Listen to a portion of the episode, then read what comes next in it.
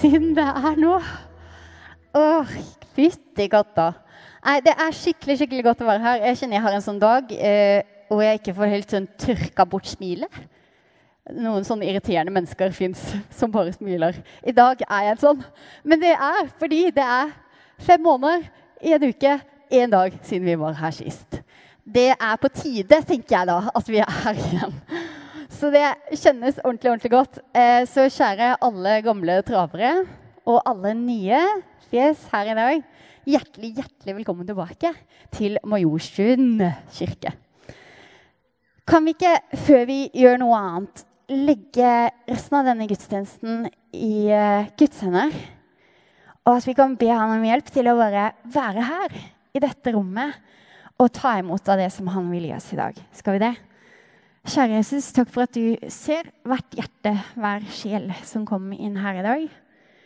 Jeg ber om at du skal fylle dette stedet, sånn at vi kan få lytte til ditt ord. Hva du sier til oss i dag. Og så ber jeg Gud om at det skal bli en sånn tale som ikke bare er felles tale for alle, men at du skal komme med din åpenbaring, sånn at det blir en sånn tale for hver enkelt. Fordi du kommer og prikker på og forteller det som hver enkelt trenger. I ditt navn. Amen. Dere, jeg tror eh, at Gud har noe virkelig noe for oss denne høsten. Og Derfor så ser jeg sånn med forventning på de månedene som kommer nå. Fordi jeg tror Gud har lyst til å vise oss noe. Jeg tror han har lyst til å oppmuntre oss, hver og en av dere. Jeg tror han har lyst til å utfordre oss. Jeg tror han har lyst til å vise oss nye ting, åpenbare nye ting for oss. Denne høsten her. Og Derfor så bare tenker jeg ah, det er bare å rise up. Glede oss til at Gud har lyst til å si noen ting til oss de ukene som kommer nå. Og så kjenner jeg på en sånn bønn om at vi skal få komme tilbake til grunnmuren vår. Det er en sånn bønn jeg har båret på frem mot denne høsten nå, gjennom sommeren. At vi skal få komme tilbake til det første. At vi har en uendelig stor Gud som elsker oss, og at han kaller oss til å elske den foran oss. Elske han først, og elske den foran oss. Som et resultat av det. For dere, Vi står i en verden i kriser og i endring. Det har vi alle, alle, alle fått kjenne på denne tida. Og når ting synes å vakle på sitt meste, så trenger vi å bli minnet på hva som er vårt hjem. Hva som er liksom, ah, Hvor er det jeg kommer hjem hen? Hva er, liksom, hva er det i bunn og grunn som jeg er kalt til å være og gjøre? Jeg vet ikke med deg, men jeg har hatt mye tid til å liksom tenke og gruble disse ukene og månedene. Mye, til, mye, tid til å liksom kjenne på sånn, ah, alle disse utfordringene som er i denne verden. Gruble på pandemi og på Trump og ulykker. Gruble over meg sjøl og hva er det jeg egentlig driver med? og Hvem er Gud, og hva er det han egentlig driver med? Vi har fått liksom sånn unik mulighet til å zoome litt sånn ut. Og også en helt spesiell sjanse til å kanskje stille de sånn, litt vanskelige og potensielt store spørsmåla for jeg vil påstå at en annerledes tid ofte vil gjøre nettopp det. Føre til undring og spørsmål rundt liksom det helt basice. Hensikt og identitet. Hvem er det jeg skal være? Hvorfor er det jeg er her i det hele tatt? Hvilken rolle er det jeg skal spille? Hva er det jeg kan bety? Hva skal jeg bruke livet mitt på? Hva er retningen egentlig? Hva var dette her igjen? Hvem er det jeg skal gjøre alt dette sammen med? Hvor skal jeg bo? Åssen blir det med familie? Hvilke venner er det jeg skal ha rundt med meg? Alle disse her spørsmål er så fort at man eh, popper opp litt igjen fordi vi får rom i hverdagen vår eller tida vår til at det kommer litt opp. Og nå er det ikke sånn at jeg på noen måte har noen svar på liksom, din spesifikke hensikt og retning, liksom, hva den bør være, eller hva den er. Men det jeg kan si, er noe om din identitet som etterfølger av Jesus. Din og min identitet som etterfølger av Jesus. For hvis, det er sånn som, hvis du er sånn som meg og flere andre jeg snakka med denne her perioden, så er det liksom fort at vi stiller oss sånne spørsmål også. Hvordan står det egentlig til med troa mi nå? Hvordan ser det ut egentlig å følge Jesus? Og hva var det der med kirke igjen? Hva var det grunnen til det igjen?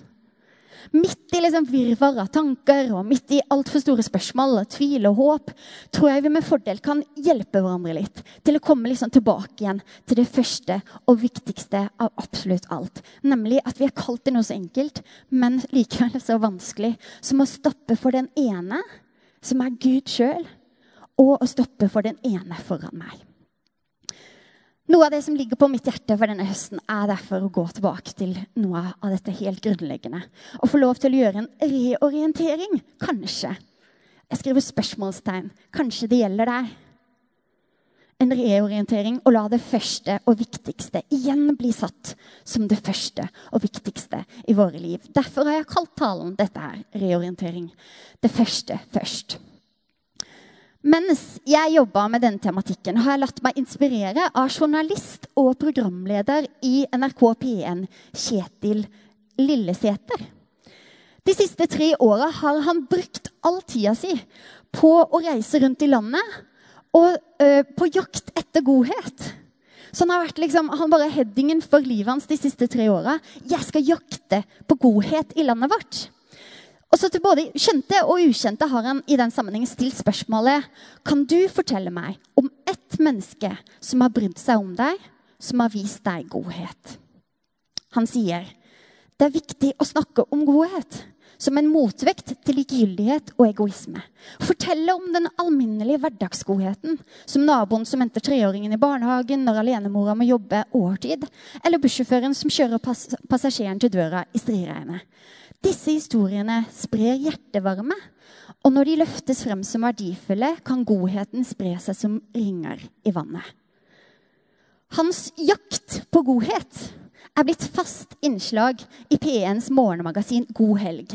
Og bakgrunnen det var en veldig veldig spesiell måned på Gaza på reportasjetur i 2010, som han forteller at satte bare virkelig spor. Han forteller om et folk som viste han en enorm varme og gjestfrihet. Folk som alltid ba ham sette av tid til å drikke jordbærjus og arabisk kaffe. Det syns jeg var hyggelig. Men det som er verdt å vite her, de gjorde det i en kjempekrevende tid. Kjempekrevende og urolig tid for de sjøl så ba de han om å sette av tid til dette her. Det trenger du. Og Så forteller han men da han kom til Norge, så ble det helt stille. Å sitte på bussen føltes som å være på vei til en begravelse. Henvendte han seg til en annen fremmed, fikk han enstavelsesord og stive blikk tilbake. Og dette her peker han på er et stort paradoks. I et av verdens mest konfliktfylte områder møtte han åpenhet og varme mens i et av verdens rikeste og tryggeste land så preges det offentlige rom av veldig stor grad av skepsis og kulde. Og det var grunnen til at han starta prosjektet med å finne den norske godheten. Han måtte jakte litt på den og lete litt hardt etter den, tror jeg, i dette landet. Han forteller videre at han selv nådde bunnen for 20 år siden da han som 26-åring eh, mista jobb og kjæreste og botid på under en uke. Han var i London, langt hjemmefra, og han forteller sjøl at han havna liksom skikkelig på kjøret. Og vendepunktet kom da han oppsøkte Den norske sjømannskirka. Da forteller han at da presten Helge Petterson kom meg i møte, stilte han meg ingen spørsmål om hva som hadde skjedd. Han spurte meg ganske enkelt om jeg hadde spist den dagen. Det hadde jeg ikke. I den perioden var det nok heller for mye drikking.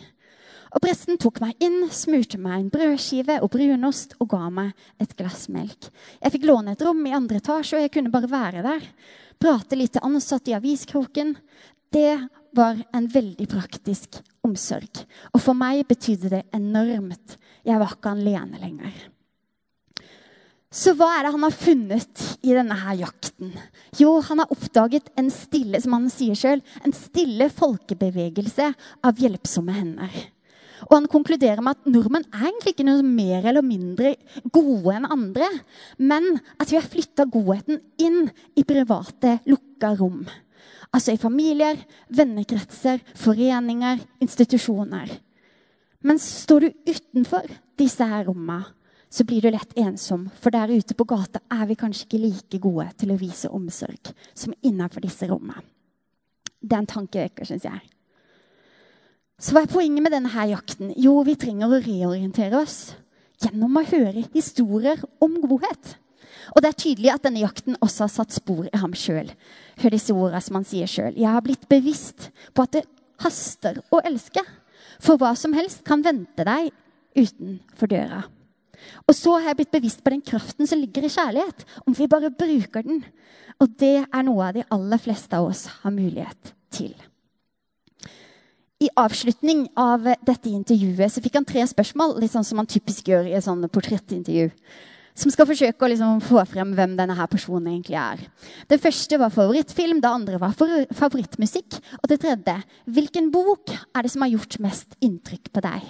Han svarer Det nye testamentet, spesielt bergprekenen i Matteusevangeliet, kjærlighetsbudskapet. Jeg er en troende tviler og lar meg inspirere av Jesus. Dere, Det er mye vi kan lære av mennesker. Masse. Men vårt største og viktigste eksempel er Jesus sjøl. I likhet med Kjetil er noe av det viktigste vi kan gjøre, mener jeg, er å bli inspirert av det Jesus sjøl sa og hva han sa og gjorde, og se hvordan han stoppa for den ene foran seg. Og Derfor skal vi ta en titt på Johannes evangelium kapittel 9. Vi leser fra vers 1. Da Jesus kom gående, så han en mann som var født blind. Disiplene spurte da, 'Robbi, hvem er det som har syndet, han selv eller hans foreldre, siden han ble født blind?' Jesus svarte, 'Verken han eller hans foreldre har syndet.' 'Men nå kan Guds gjerninger bli åpenbart for ham.' Så lenge det er dag, må vi gjøre Hans gjerninger som har sendt meg. Det kommer en natt da ingen kan arbeide. Så lenge jeg er i verden, er jeg verdens lys. Da han hadde sagt dette, spyttet han på jorden, laget til leire med spyttet og smurte den på mannens øyne. Så sa han, gå og vask deg i Siloadammen. Siloa betyr utsendt. Mannen gikk dit og vasket seg, og han kom tilbake seende. Jeg syns dette er en vakker tekst, og derfor har jeg lyst til å stoppe bare litt ved noen sånne bemerkninger som jeg gjør gjennom denne her teksten. Det første jeg har lyst til å sanse ved, det er dette at Jesus ser mennesker og deres behov. Virkelig. Når apostelen Peter skal gjøre en oppsummering av sin læremester noen år etter han hadde levd på han tett og daglig, så sier han disse orda. Han gikk omkring overalt og gjorde vel og helbredet alle som var underkuet av djevelen, for Gud var med ham. Helbredelsen av den blinde mannen var ikke et engangstilfelle. Det var, heller, det var heller selve kjennetegnet ved Jesus, hvordan han eh, var, og at han gjorde godt. Det var kjennetegnet ved ham at 'jeg var en mann som gjorde godt'. Det er det bildet som kommer frem i evangeliene. Og det er det vi kristne, når vi har hatt en opplevelse med en levende Jesus, kan fortelle videre om. Men hva betyr dette her egentlig for oss? da? Hva betyr det for deg? Jo, først og fremst Først og fremst så kan du vite at Jesus ser deg. Og han ser dine behov. Og Deretter så vil han at du og jeg som hans etterfølgere igjen skal se vår neste. Se han og se vår neste. Videre gjør disiplene refleksjonen sjøl. Hvem er det som har syndet? Hvem sin feil er det? Jeg er redd vi lett kan gjøre det samme. Vi gjør liksom en sånn, Når vi ser noen, så gjør vi en liten skann. Ser en eh, liksom, årsak til kanskje din situasjon. Ah, det er sikkert noe sånn eller sånn. eller sånn. Vi plasserer det gjerne i båser, for vi liker å liksom, plassere folk. Eh, og så henger vi oss opp i hvorfor dette har skjedd. Kanskje vi ofte har et så stort behov for å forstå og lage forklaringer at vi ikke får til det enkle å stoppe opp, se og hjelpe. Jeg kan i hvert fall ta meg i dette her sjøl. Og så det neste. Så sier Jesus så lenge det er dag, må vi gjøre hans gjerninger som har sendt meg. Det kommer en natt da ingen kan arbeide. Dere, Det er så fort å tenke at når dette eller dette er på plass, ja, da skal jeg begynne å kunne bry meg om menneskene rundt meg. Jeg bare trenger å få dette på stell først. Men Jesus utfordrer denne tankegangen så kraftig og sier, 'Ikke vent med å gjøre det gode.' Du vet ikke hvordan neste dag vil se ut. Og er det noe denne her krisen må ha lært oss, så er det jo nettopp det. Vi aner faktisk ikke hva som morgendagen vil bringe. Så han oppfordrer vi må handle, og vi må handle i dag. Det gode man kan gjøre, gjør det. Det neste jeg vil trekke ut, er at når vi gjør hans gjerninger, er vi lys. Da er vi en kontrast til mørket, til egoismen og likegyldigheten, som Kjetil her, sier han journalisten. Og samtidig peker vi på Jesus, som er kjærlighetens kilde, sånn at mennesker kan finne tilbake til ham. Det siste, min siste refleksjon til denne her teksten er at tilhørerne er åndelig blinde.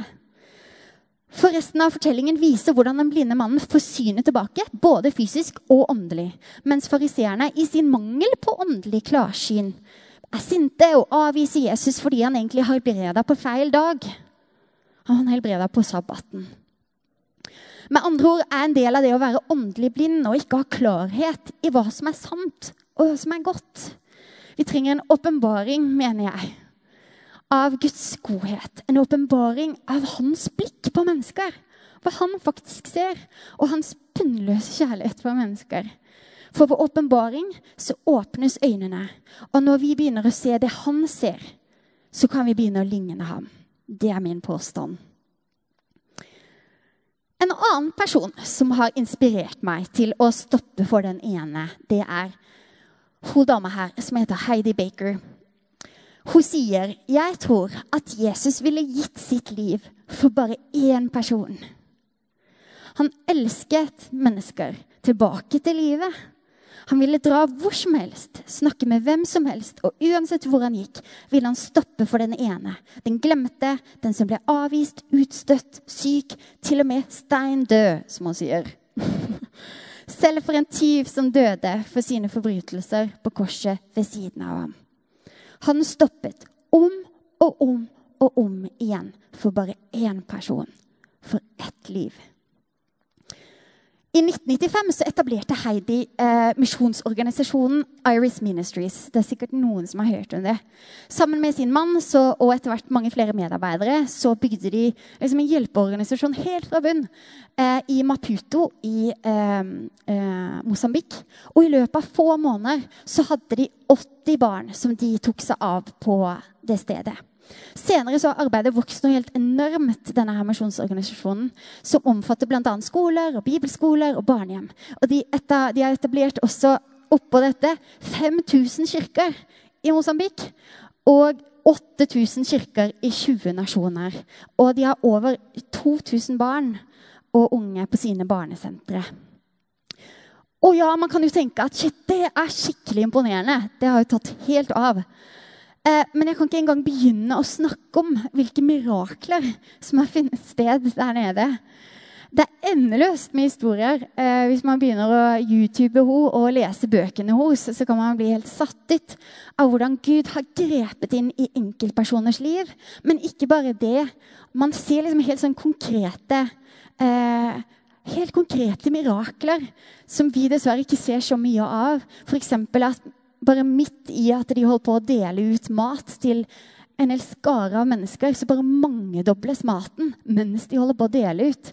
Da er Man liksom, man tror nesten ikke at det skjer nå, men det gjør det. Og det er rått å høre om. Men det som griper meg aller, aller mest i liksom, historien om henne eh, og ved henne, er at hun drives så tydelig av Guds egen medlidenhet for menneskene rundt seg. Alt handler om kjærlighet for den enkelte, den ene personen. Om at kjærlighet alltid ser ut som noe. Kjærlighet er ikke bare en følelse, men det vil alltid få en konsekvens. Den trenger å se ut som noe. En klem, en bønn, mat, praktisk arbeid, en oppmuntring. Det handler ikke bare om de massene av mennesker. Det handler alltid om den ene som er foran henne. Og hun sier at vår viktigste oppgave det er å elske med handling. Og så må Gud gjøre resten. For da har vi gjort vår del. Det er det vi kan gjøre. Så må han gjøre resten. Og jeg kjenner bare at dette stikker så sinnssykt dypt. Eh, og det resonnerer også så enormt i meg. Og Derfor dro jeg ned til Mosambik for noen år siden for å liksom bare se dette her med mine egne øyne. Jeg var sykt naiv rett etter videregående. Jeg bare 'Jeg har lest denne boken, og jeg må bare dra ned og se det!' Så jeg var bare sånn fløy ned for å liksom se på dette. Heldigvis fant jeg ut at det var en bibelskole der som jeg også kunne gå på, så det ble ikke sånn at jeg bare gikk rundt der og glante. Det var veldig fint. Men uansett Det som jeg begynte å oppdage, og som jeg personlig Det ble liksom eh, virkelig en sånn eh, bladom Hva heter det? Anyways, dere skjønner. Nytt kapittel i livet. Selv om jeg hadde liksom Jeg, bare, jeg tenkte Gud, du har, liksom, du har vist meg masse eh, Jeg har vært glad i Gud lenge, liksom. Og jeg har liksom fått lov til å kjenne Gud. Men jeg bare følte at dette revolusjonerte livet mitt. Jeg bare, Dette har jeg ikke hørt om før. Det bare gikk i meg som et lyn. Og det jeg liksom bare kjente at nå Dette er liksom den oppdagelsen jeg gjør. Det er at Kristin, ditt mål er kjærlighet. Da er så veldig, veldig, veldig mye gjort. Det gir deg plass til folk i hjertet ditt. Det gir deg tid til å stoppe. Det gir deg inspirasjon til å gi. Det reduserer misunnelse fordi du opp, liksom oppriktig ønsker andre vel på en helt annen måte. Det gir deg lyst til å hjelpe. Det gir deg et inderlig ønske om å be for mennesker. Det strekker deg til å ofre noe av deg og ditt. Men hva ser det ut som i din og min hverdag å stoppe for den ene? Og hvordan skal vi klare å ha her, alle disse ekstra tankene i hodet midt i alt dette andre virvaret som jeg snakka om? Derfor midt i dette så trenger jeg å oppmuntre og oppfordre meg sjøl og oss alle til å titte litt på vårt eget liv. For det her må jeg bare ransake meg sjøl. Selv. selv om jeg vet hva idealet er, så bare trenger jeg å gå i meg sjøl litt. Finnes det en måte å reorientere blikket mitt på? Bildet mitt av hva som er det første, hva som er det aller viktigste. Hva må til for å få et blikk som ligner Jesus sitt blikk? Det er det spørsmålet jeg trenger å stille meg. Derfor vil jeg at de siste to minuttene nå så skal jeg bryne oss litt på tanken hvordan. Det første jeg vil si, er at før noe annet, før noe som helst annet, så trenger vi å stoppe for den ene med stor E. Og la han elske oss først. Så lenge jeg først er elska av Gud, og jeg er trygg i hans kjærlighet til meg, så kan jeg stå på et sted hvor jeg er fri til å elske den foran meg. Fordi at mitt behov i veldig stor grad allerede er møtt. Jeg tror derfor vi trenger å bygge gode vaner som eksponerer oss for Guds kjærlighet. Hans stemme som forteller oss hvem vi er. Ikke minst kan vi inspireres av det Jesus sjøl sier og gjør. Han som allerede har vist oss egentlig det beste eksempelet man kan tenke seg. Og han inviterer oss til å følge etter. Det andre jeg vil peke på, er bli inspirert av hans kirke gjennom fellesskapet. Vær nysgjerrig på de andre rundt deg. Lær, lytt, se. Det får man en unik mulighet til i småfellesskap. Men vi får også gjort det her på søndager. Det fins en unik mulighet i å være liksom, flere som ønsker det samme. Vi vil jo egentlig denne veien, alle sammen. La oss snu oss rundt og lære å bli inspirert av hverandre. Vi har i en periode nå vært i veldig mye større grad liksom, avhengig av oss sjøl, egentlig. Leve Jesuslivet alene. Jeg vil påstå, jeg kjenner det i hvert fall for min egen del, at det er så utrolig mye mer inspirerende å leve tett på mennesker. Ikke tett fysisk, men tett likevel i hjertet. Og det trenger vi, og det tror jeg egentlig at flere med meg kan ha kjent på i løpet av denne perioden. At hei, det trenger jeg faktisk. Kanskje mer enn vi tenkte. Og så til slutt gjør en bestemmelse. Ok, hold deg fast for et riktig så sterkt råd. Hva om jeg gå for Nå ble jeg flau. Spis fem om dagen, stopp for én om dagen. Det var sterkt for meg. Spis fem og stopp for én om dagen. Ikke mennesker. Frukt. Det første der. For vet du noe? ja, ja. Uh, nå kommer vi til å huske den, da, i hvert fall. Det? Uansett, jeg trengte en huskeregel, så jeg sa min huskeregel. Og det vil si at vi trenger ikke å alltid føle det riktig. Jeg trenger ikke alltid å føle for å gjøre vel, men jeg trenger å gjøre riktig. For kjærlighet det ser alltid ut som noe. Det er ikke bare følelser og, øh, og liksom gode følelser og ønsker jeg har i hodet mitt. Det ser ut som noe. Det handler ikke bare om det, jo, det handler om enkle handlinger gjort i kjærlighet. Å stoppe for den ene foran meg. For kjærlighet ser ut som noe. Kanskje det er en oppmuntring, en melding, en gave. Kanskje det er tid, et smil, en klem, en bønn, en tjeneste. Eller kanskje det er å lede noen et lite steg nærmere Jesus. Så jeg vil invitere deg som enkeltperson og oss som fellesskap til de neste ukene nå å gripe de situasjonene i hverdagen hvor vi naturlig har en mulighet til å gjøre godt for noen andre. Og vi skal ikke gjøre det komplisert eller altfor stort eller oppsvulmende. Det handler om å stanse for den ene. Gjøre godt for den ene. Og her har jeg en litt sånn konkret utfordring. egentlig. Jeg lurer på om dere vil bli med meg på. Og det er å stoppe opp for én om dagen på et eller annet vis hver dag ut august. Det er mitt mål. Det trenger ikke å være stort. Ikke i det hele tatt. Men at jeg bare har i bevisstheten Jeg vil stoppe, jeg vil lytte til, jeg vil sende en melding. Jeg vil, jeg vil bare se litt ekstra. Én person hver dag.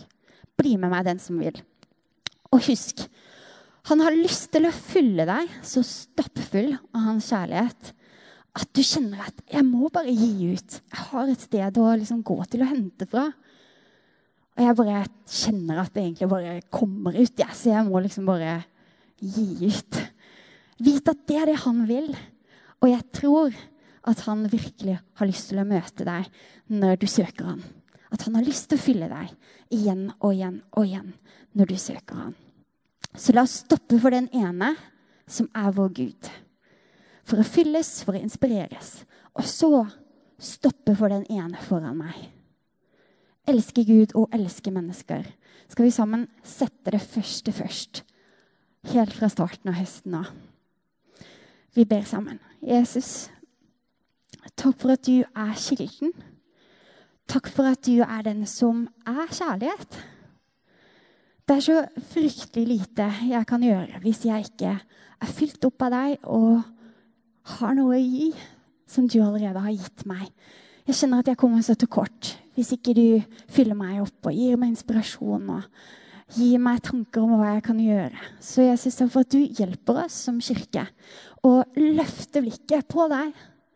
Og så videre løfte blikket ut mot vår neste, sånn at vi kan se, vi kan oppmuntre, vi kan sende den meldingen, vi kan hjelpe. Vi kan være der for den ved siden av meg. Hjelp meg til det, og gi oss nåde til det. I ditt sterke navn. Amen.